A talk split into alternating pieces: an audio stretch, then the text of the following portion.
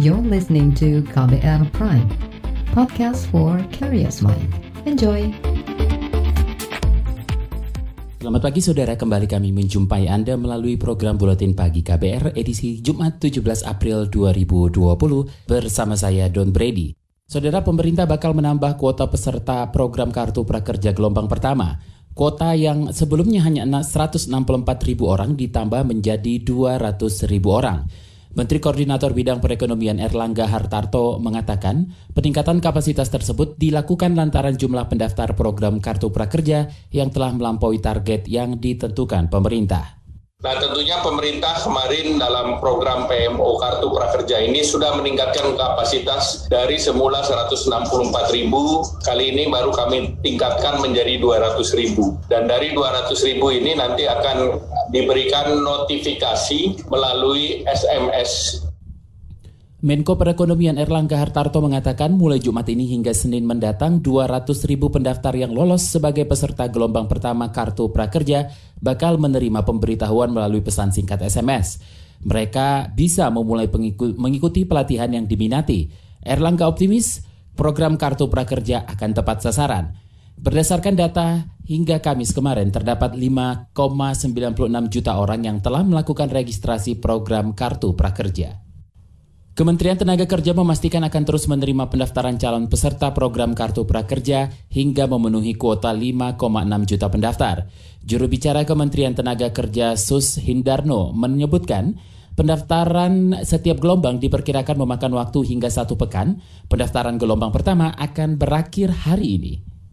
Juru bicara Kementerian Tenaga Kerja Sus Hindarno memastikan kuota 5,6 juta akan memenuhi secara bertahap tiap minggunya hingga gelombang batas akhir penerimaan pada 31 Desember 2020. Pengamat kebijakan publik Agus Pambagio menilai program Kartu Prakerja tidak akan efektif menyelesaikan masalah korban pemutusan hubungan kerja atau PHK terkait wabah COVID-19. Agus mengatakan, Para korban PHK saat ini bukan hanya membutuhkan keahlian, tapi bantuan nyata seperti bahan pangan maupun uang tunai. Pengamat kebijakan publik Agus Pambagio belum bisa menilai apakah ke depannya kartu prakerja akan efektif menambah kemampuan seseorang untuk mendapat pekerjaan.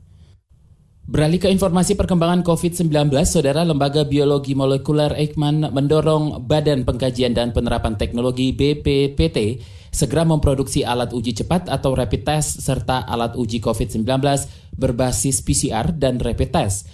Kepala LBM Ekman Amin Subandrio mengatakan, kunci pemutusan mata rantai penyebaran COVID-19 adalah pemeriksaan secara massal dan membutuhkan banyak peralatan. Iya intinya kalau kit itu memang bisa diproduksi dalam negeri itu akan sangat baik sehingga kita tidak tergantung pada suplai luar negeri. Dan ini harus dijaga selain kualitasnya juga kesinambungannya supaya kebutuhan nasional bisa terpenuhi. Dan ini sekaligus bisa memastikan kualitas dari sel uh, tesnya karena kan sekarang banyak yang ditawarkan rapid test rapid test itu tapi kualitasnya ada beberapa yang belum teruji. Kepala LBM Ekman Amin Subandrio menambahkan selain tes kit, penyediaan alat pelindung diri atau APD bagi tim medis hingga jumlah tenaga medis yang mencukupi sangat diperlukan untuk mendeteksi dan menangani penyebaran COVID-19. Saat ini Ekman mampu mengetes 360 spesimen per hari dari target 1000 tes per hari.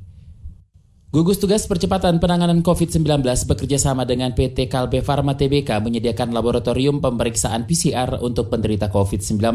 Layanan disediakan gratis di rumah sakit rujukan. Direktur Kalbe Farmasi Johan mengatakan, saat ini laboratorium Kalbe memiliki kapasitas pemeriksaan 4.000 tes per bulan. Kapasitas akan ditingkatkan menjadi dua kali lipat dari sebelumnya. Kapasitas awal tersedia saat ini di laboratorium Kalgen Inolab sejumlah 140 tes per hari atau kira-kira 4.000 tes per bulan yang akan segera kami tingkatkan menjadi 8.000 tes per bulan setelah mesin ekstraksi otomatis kami tiba di Jakarta. Direktur Kalbe Farmasi Johan menambahkan, laboratorium itu tidak melayani pasien perorangan, tetapi hanya menerima sampel dari rumah sakit, khususnya dari rumah sakit rujukan COVID-19. Hasil tes PCR akan keluar 24 jam setelah sampel diterima laboratorium. Saudara, hingga kini jumlah kasus penyebaran virus corona penyebab COVID-19 di Indonesia mencapai lebih dari 5.500 orang. Pertambahan kasus positif terbanyak hari ini di Jakarta, Sulawesi Selatan, Banten, Bali, Jawa Timur, dan Sumatera Selatan. Pertambahan angka kematian tertinggi pada Kamis kemarin adalah Banten. Sejauh ini terdapat 169 ribu orang dalam pemantauan ODP, 11.800-an pasien dalam pengawasan atau PDP. DPR dan pemerintah sepakat pilkada serentak ditunda hingga akhir tahun. Informasinya usai jeda tetaplah di Buletin Pagi KBR. You're listening to KBR Pride, podcast for curious mind. Enjoy!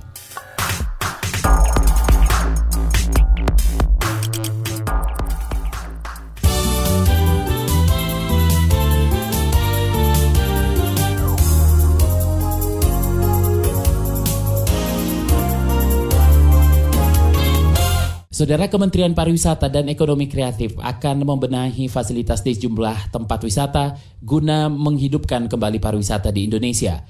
Pariwisata Indonesia saat ini terdampak wabah COVID-19. Menteri Pariwisata dan Ekonomi Kreatif Wisnu Tama Kusubandio mengatakan fasilitas yang dibenahi itu di antaranya kebersihan dan keamanan tempat wisata. Fokus utama kita nanti justru kepada hal-hal yang sangat basic di destinasi pariwisata dan saya juga sudah berbicara dengan beberapa Pemda dan nanti juga nanti sore juga saya akan bicara dengan beberapa kepala dinas untuk fokus ke hal-hal yang sifatnya higienitas, toilet, kebersihan, keselamatan, keamanan, hal-hal tersebut yang perlu kita utamakan. Jadi benar-benar kita eh, balik ke soal basic dan training mengenai hospitality. Jadi fokusnya nanti ke, ke, ke arah sana untuk pasca COVID 19. Menteri Pariwisata dan Ekonomi Kreatif Wisnu Tama menambahkan saat ini kementerian dan lembaga tengah mengkaji pembuatan program padat karya untuk membantu pekerja di sektor pariwisata. Kementerian akan merelokasi anggaran untuk bantuan langsung pada perusahaan agar bisa tetap menggaji para karyawannya tanpa harus melakukan PHK massal. Saat ini ada sekitar 1,1 juta pekerja dan 2,1 juta UMKM di sektor pariwisata yang akan mendapat bantuan dari pemerintah. DPR dan pemerintah sepakat menjadwal ulang pemilihan kepala daerah Pilkada serentak 2020. Pilkada akan dilaksanakan pada 9 Desember 2020. Ketua Komisi yang membidangi pemilu DPR Ahmad Doli Kurnia mengatakan, kesepakatan itu diambil setelah mempertimbangkan kondisi pandemi COVID-19. Menurutnya, beberapa tahapan pilkada seperti interaksi langsung antar orang akan berpotensi memperluas penyebaran virus corona itu. Satu hal penting adalah bagaimana menyelamatkan bangsa dan negara, menyelamatkan masyarakat, rakyat dari pandemi eh, COVID-19 yang sekarang sedang melanda dunia, bukan hanya Indonesia, uh, karena sisanya berinteraksi dengan banyak orang, dan waktu itu sudah ditetapkan juga masa tanggap darurat sampai tanggal 29 eh, Mei sudah diberlakukan, maka kita sepakat waktu itu menunda Ketua Komisi yang membidangi pemilu DPR Ahmad Doli Kurnia menyebut DPR akan mengadakan rapat evaluasi pada Juni 2020 untuk memantau kondisi lapangan pasca berakhirnya masa tanggap darurat yang ditetapkan pemerintah pada 29 Mei 2020. Doli berharap masa tanggap darurat pandemi COVID-19 segera berakhir sehingga DPR, KPU, dan pemerintah tidak lagi merumuskan jadwal baru untuk mengundur pelaksanaan Pilkada serentak 2020.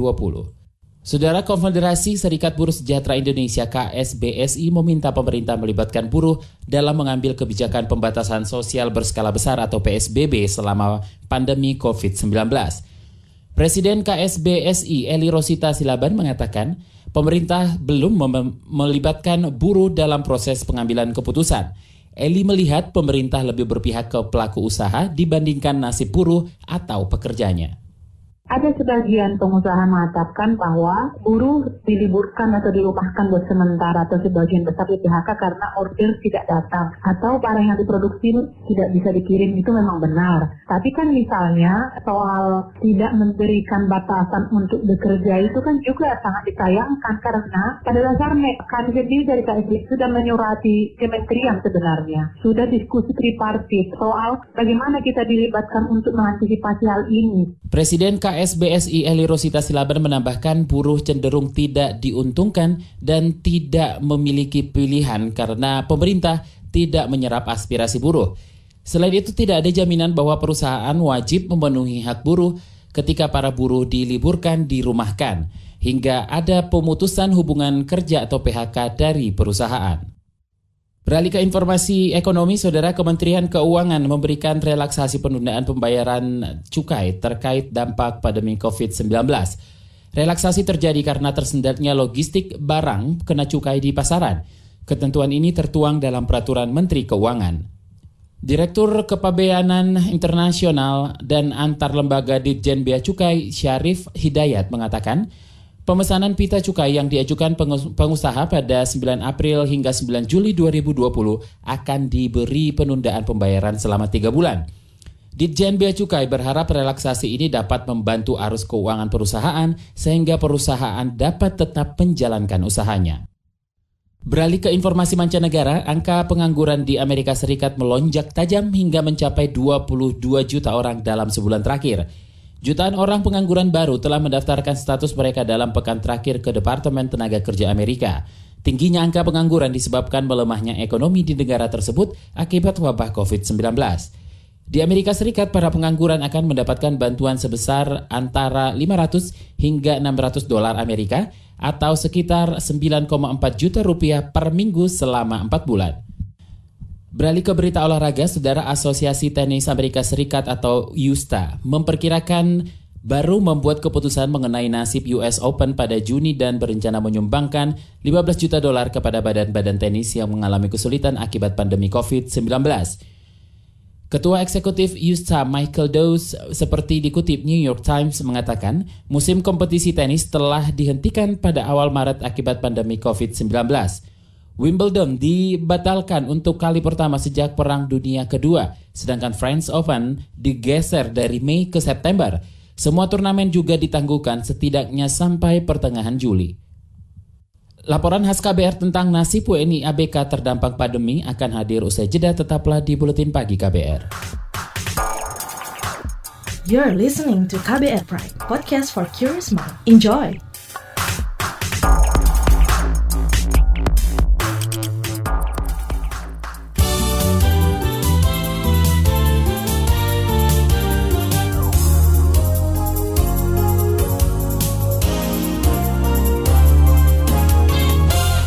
Anda masih mendengarkan buletin pagi saatnya kita simak laporan khas KBR. Banyak warga Indonesia yang menjadi kru kapal pesiar tengah menunggu dipulangkan ke tanah air. Rangkaian protokol kesehatan disiapkan agar kepulangan mereka tak berubah jadi petaka COVID-19. Namun selain anak buah kapal atau ABK kapal pesiar, ada ABK sektor perikanan yang bekerja di kapal asing. Kepulangan dan nasib mereka mestinya juga menjadi perhatian pemerintah. Simak laporan yang disusun tim KBR dibacakan Reski Mesanto. KBRI juga memberitahu bahwa mereka sudah bekerja sama dengan kapal, dengan perusahaan untuk proses pemulangan kita ke Indonesia. Itu adalah suara Ari, warga Indonesia, kru kapal pesiar yang kini berada di Miami, Amerika Serikat. Kapal tempatnya bekerja berhenti beroperasi sejak 15 Maret lalu, setelah ada larangan dari Presiden Donald Trump guna mencegah penyebaran COVID-19 perusahaan sedang berusaha untuk mencarter pesawat untuk pulang kita ke Indonesia sebelum bulan puasa mudah-mudahan. Ari dan anak buah kapal asal Indonesia lainnya tengah menunggu jadwal kepulangan ke tanah air. Ari dan seluruh kru hingga kini belum turun kapal. Mereka menjalani karantina di dalam kamar dengan prosedur kesehatan yang ketat. Setelah kapal berhenti beroperasi, semua ABK kapal dipindah ke kamar hotel yang ada di kapal atau kamar tamu. Satu orang, satu kamar masing-masing dan dikarantina selama 14 hari. Setiap hari kita dicek juga dengan dokter. Sementara protokol uh, kesehatan di sini dinaikkan menjadi level 3 artinya waspada. Kemudian kapal disemprot dengan bahan kimia seperti desinfektan hingga 4 Ari mengaku nyaman selama proses karantina karena perusahaan menyediakan berbagai fasilitas dan juga informasi tentang COVID. Seluruh hak seperti gaji juga telah dipenuhi perusahaan. Rutinitas di sini diisi dengan games-games dengan hadiah uang ataupun merchandise dari perusahaan lewat televisi live. Kehidupan rutinitas di sini sehari-hari seperti di rumah tetapi tidak boleh keluar jadi di dalam kamar aja. Perusahaan juga memberikan fasilitas yang menurut saya sangat baik kayak internet 24 jam, makan dengan berbagai menu kita pilih tiga kali sehari. Pemuda asal Jakarta ini belum berencana mencari pekerjaan lain. Sesampainya di tanah air, ia bakal menunggu kesempatan berlayar lagi dengan kapal pesiar karena gaji besar. Ari bisa meraup puluhan juta per bulan, meski jabatannya hanya staf. Eh, menurut saya lebih nyaman saya bekerja di sini dengan semua jaminan yang diberikan oleh perusahaan dengan gaji yang lumayan tinggi daripada di Indonesia. Tapi mungkin apabila sudah beberapa bulan perusahaan masih tidak beroperasi, saya akan coba mencari kerja di Indonesia atau membuka usaha di Indonesia. Menjelang kepulangan ke Indonesia, muncul rasa was-was di benak Ari tentang potensi stigma dan diskriminasi terhadap WNI ABK dari luar negeri. Ari berharap hal itu tidak terjadi. Ia menegaskan seluruh kru kapal pesiar menjalani pemeriksaan ketat dan berlapis sampai tiba di rumah masing-masing. Sebagian masyarakat Indonesia masih mengecap bahwa anak buah kapal yang bekerja di luar negeri itu pembawa virus corona. Saya menekankan bahwa dalam pemulangan ABK kapal atau kru kapal itu melalui proses yang sangat ketat dari Departemen Kesehatan Amerika Serikat. Perusahaan kapal harus menyediakan rapid test dengan hasil negatif dan uh, surat sehat sebagai bukti bahwa ABK kapal tidak ter terjangkit virus corona dan siap dipulangkan ke Indonesia. Kami semua juga bila nanti tiba di Indonesia untuk karantina mandiri atau isolasi mandiri di rumah masing-masing selama 14 hari. Ari merupakan satu dari belasan ribu WNI ABK yang masih berada di luar negeri. ABK kapal pesiar termasuk kelompok paling rentan terpapar COVID. Hal ini terlihat dari jumlah WNI di luar negeri yang menjadi pasien corona, paling banyak berprofesi sebagai kru kapal pesiar. Menteri Luar Negeri Retno Marsudi mengklaim terus berkoordinasi dengan seluruh pemangku kepentingan terkait pemulangan para ABK. Kata dia, pemerintah juga mengupayakan pemenuhan hak-hak mereka. Dalam proses pemulangan, Retno menekankan kewajiban mematuhi rangkaian protokol kesehatan. Di satu sisi kita harus melindungi warga negara Indonesia yang ada di luar negeri,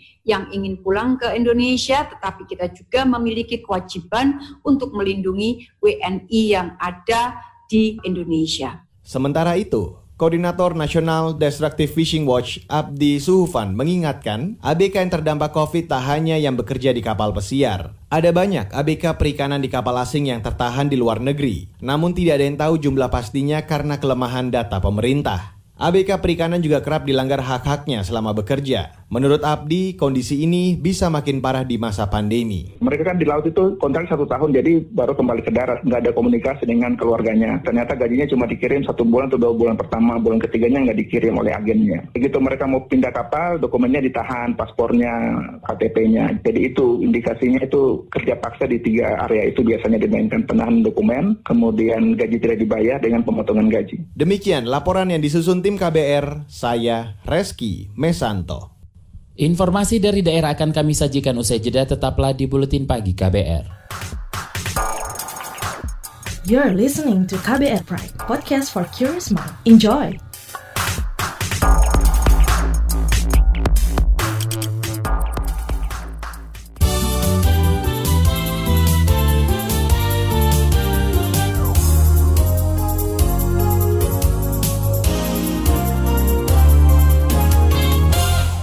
Inilah bagian akhir buletin pagi KBR. Saudara Gubernur DKI Jakarta Anies Baswedan mempertimbangkan untuk memperpanjang penerapan status pembatasan sosial berskala besar atau PSBB di ibu kota.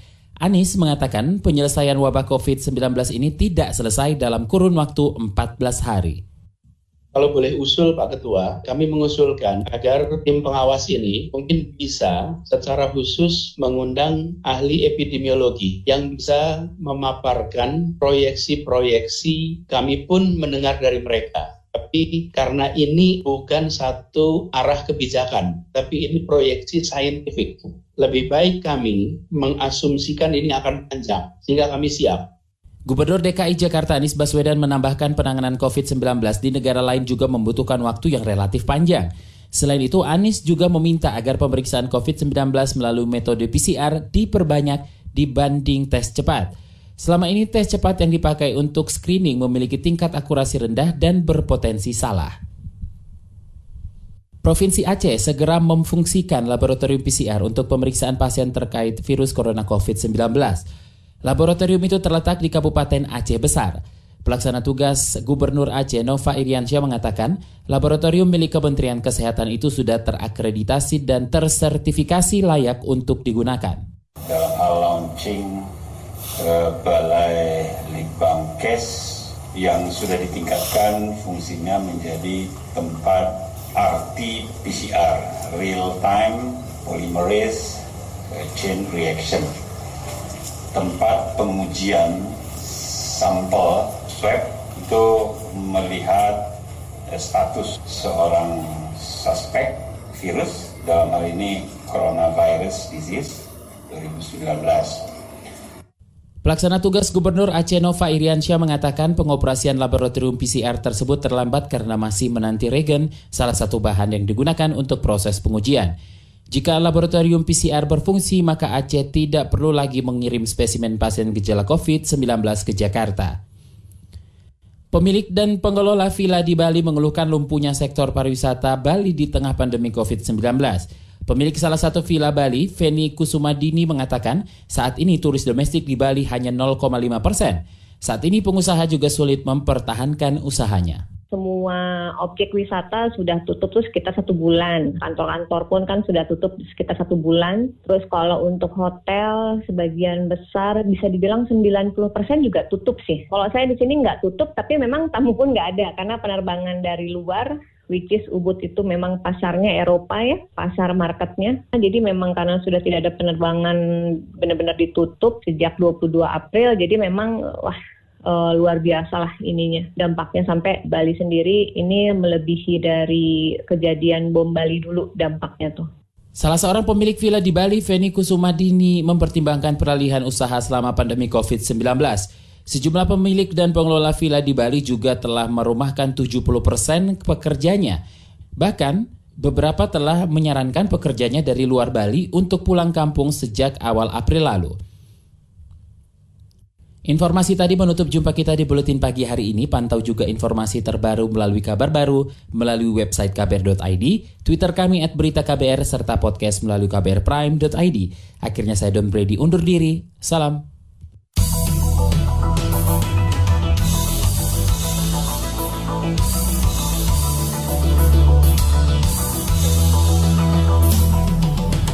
KBR Prime, cara asik mendengar berita. KBR Prime podcast for curious mind.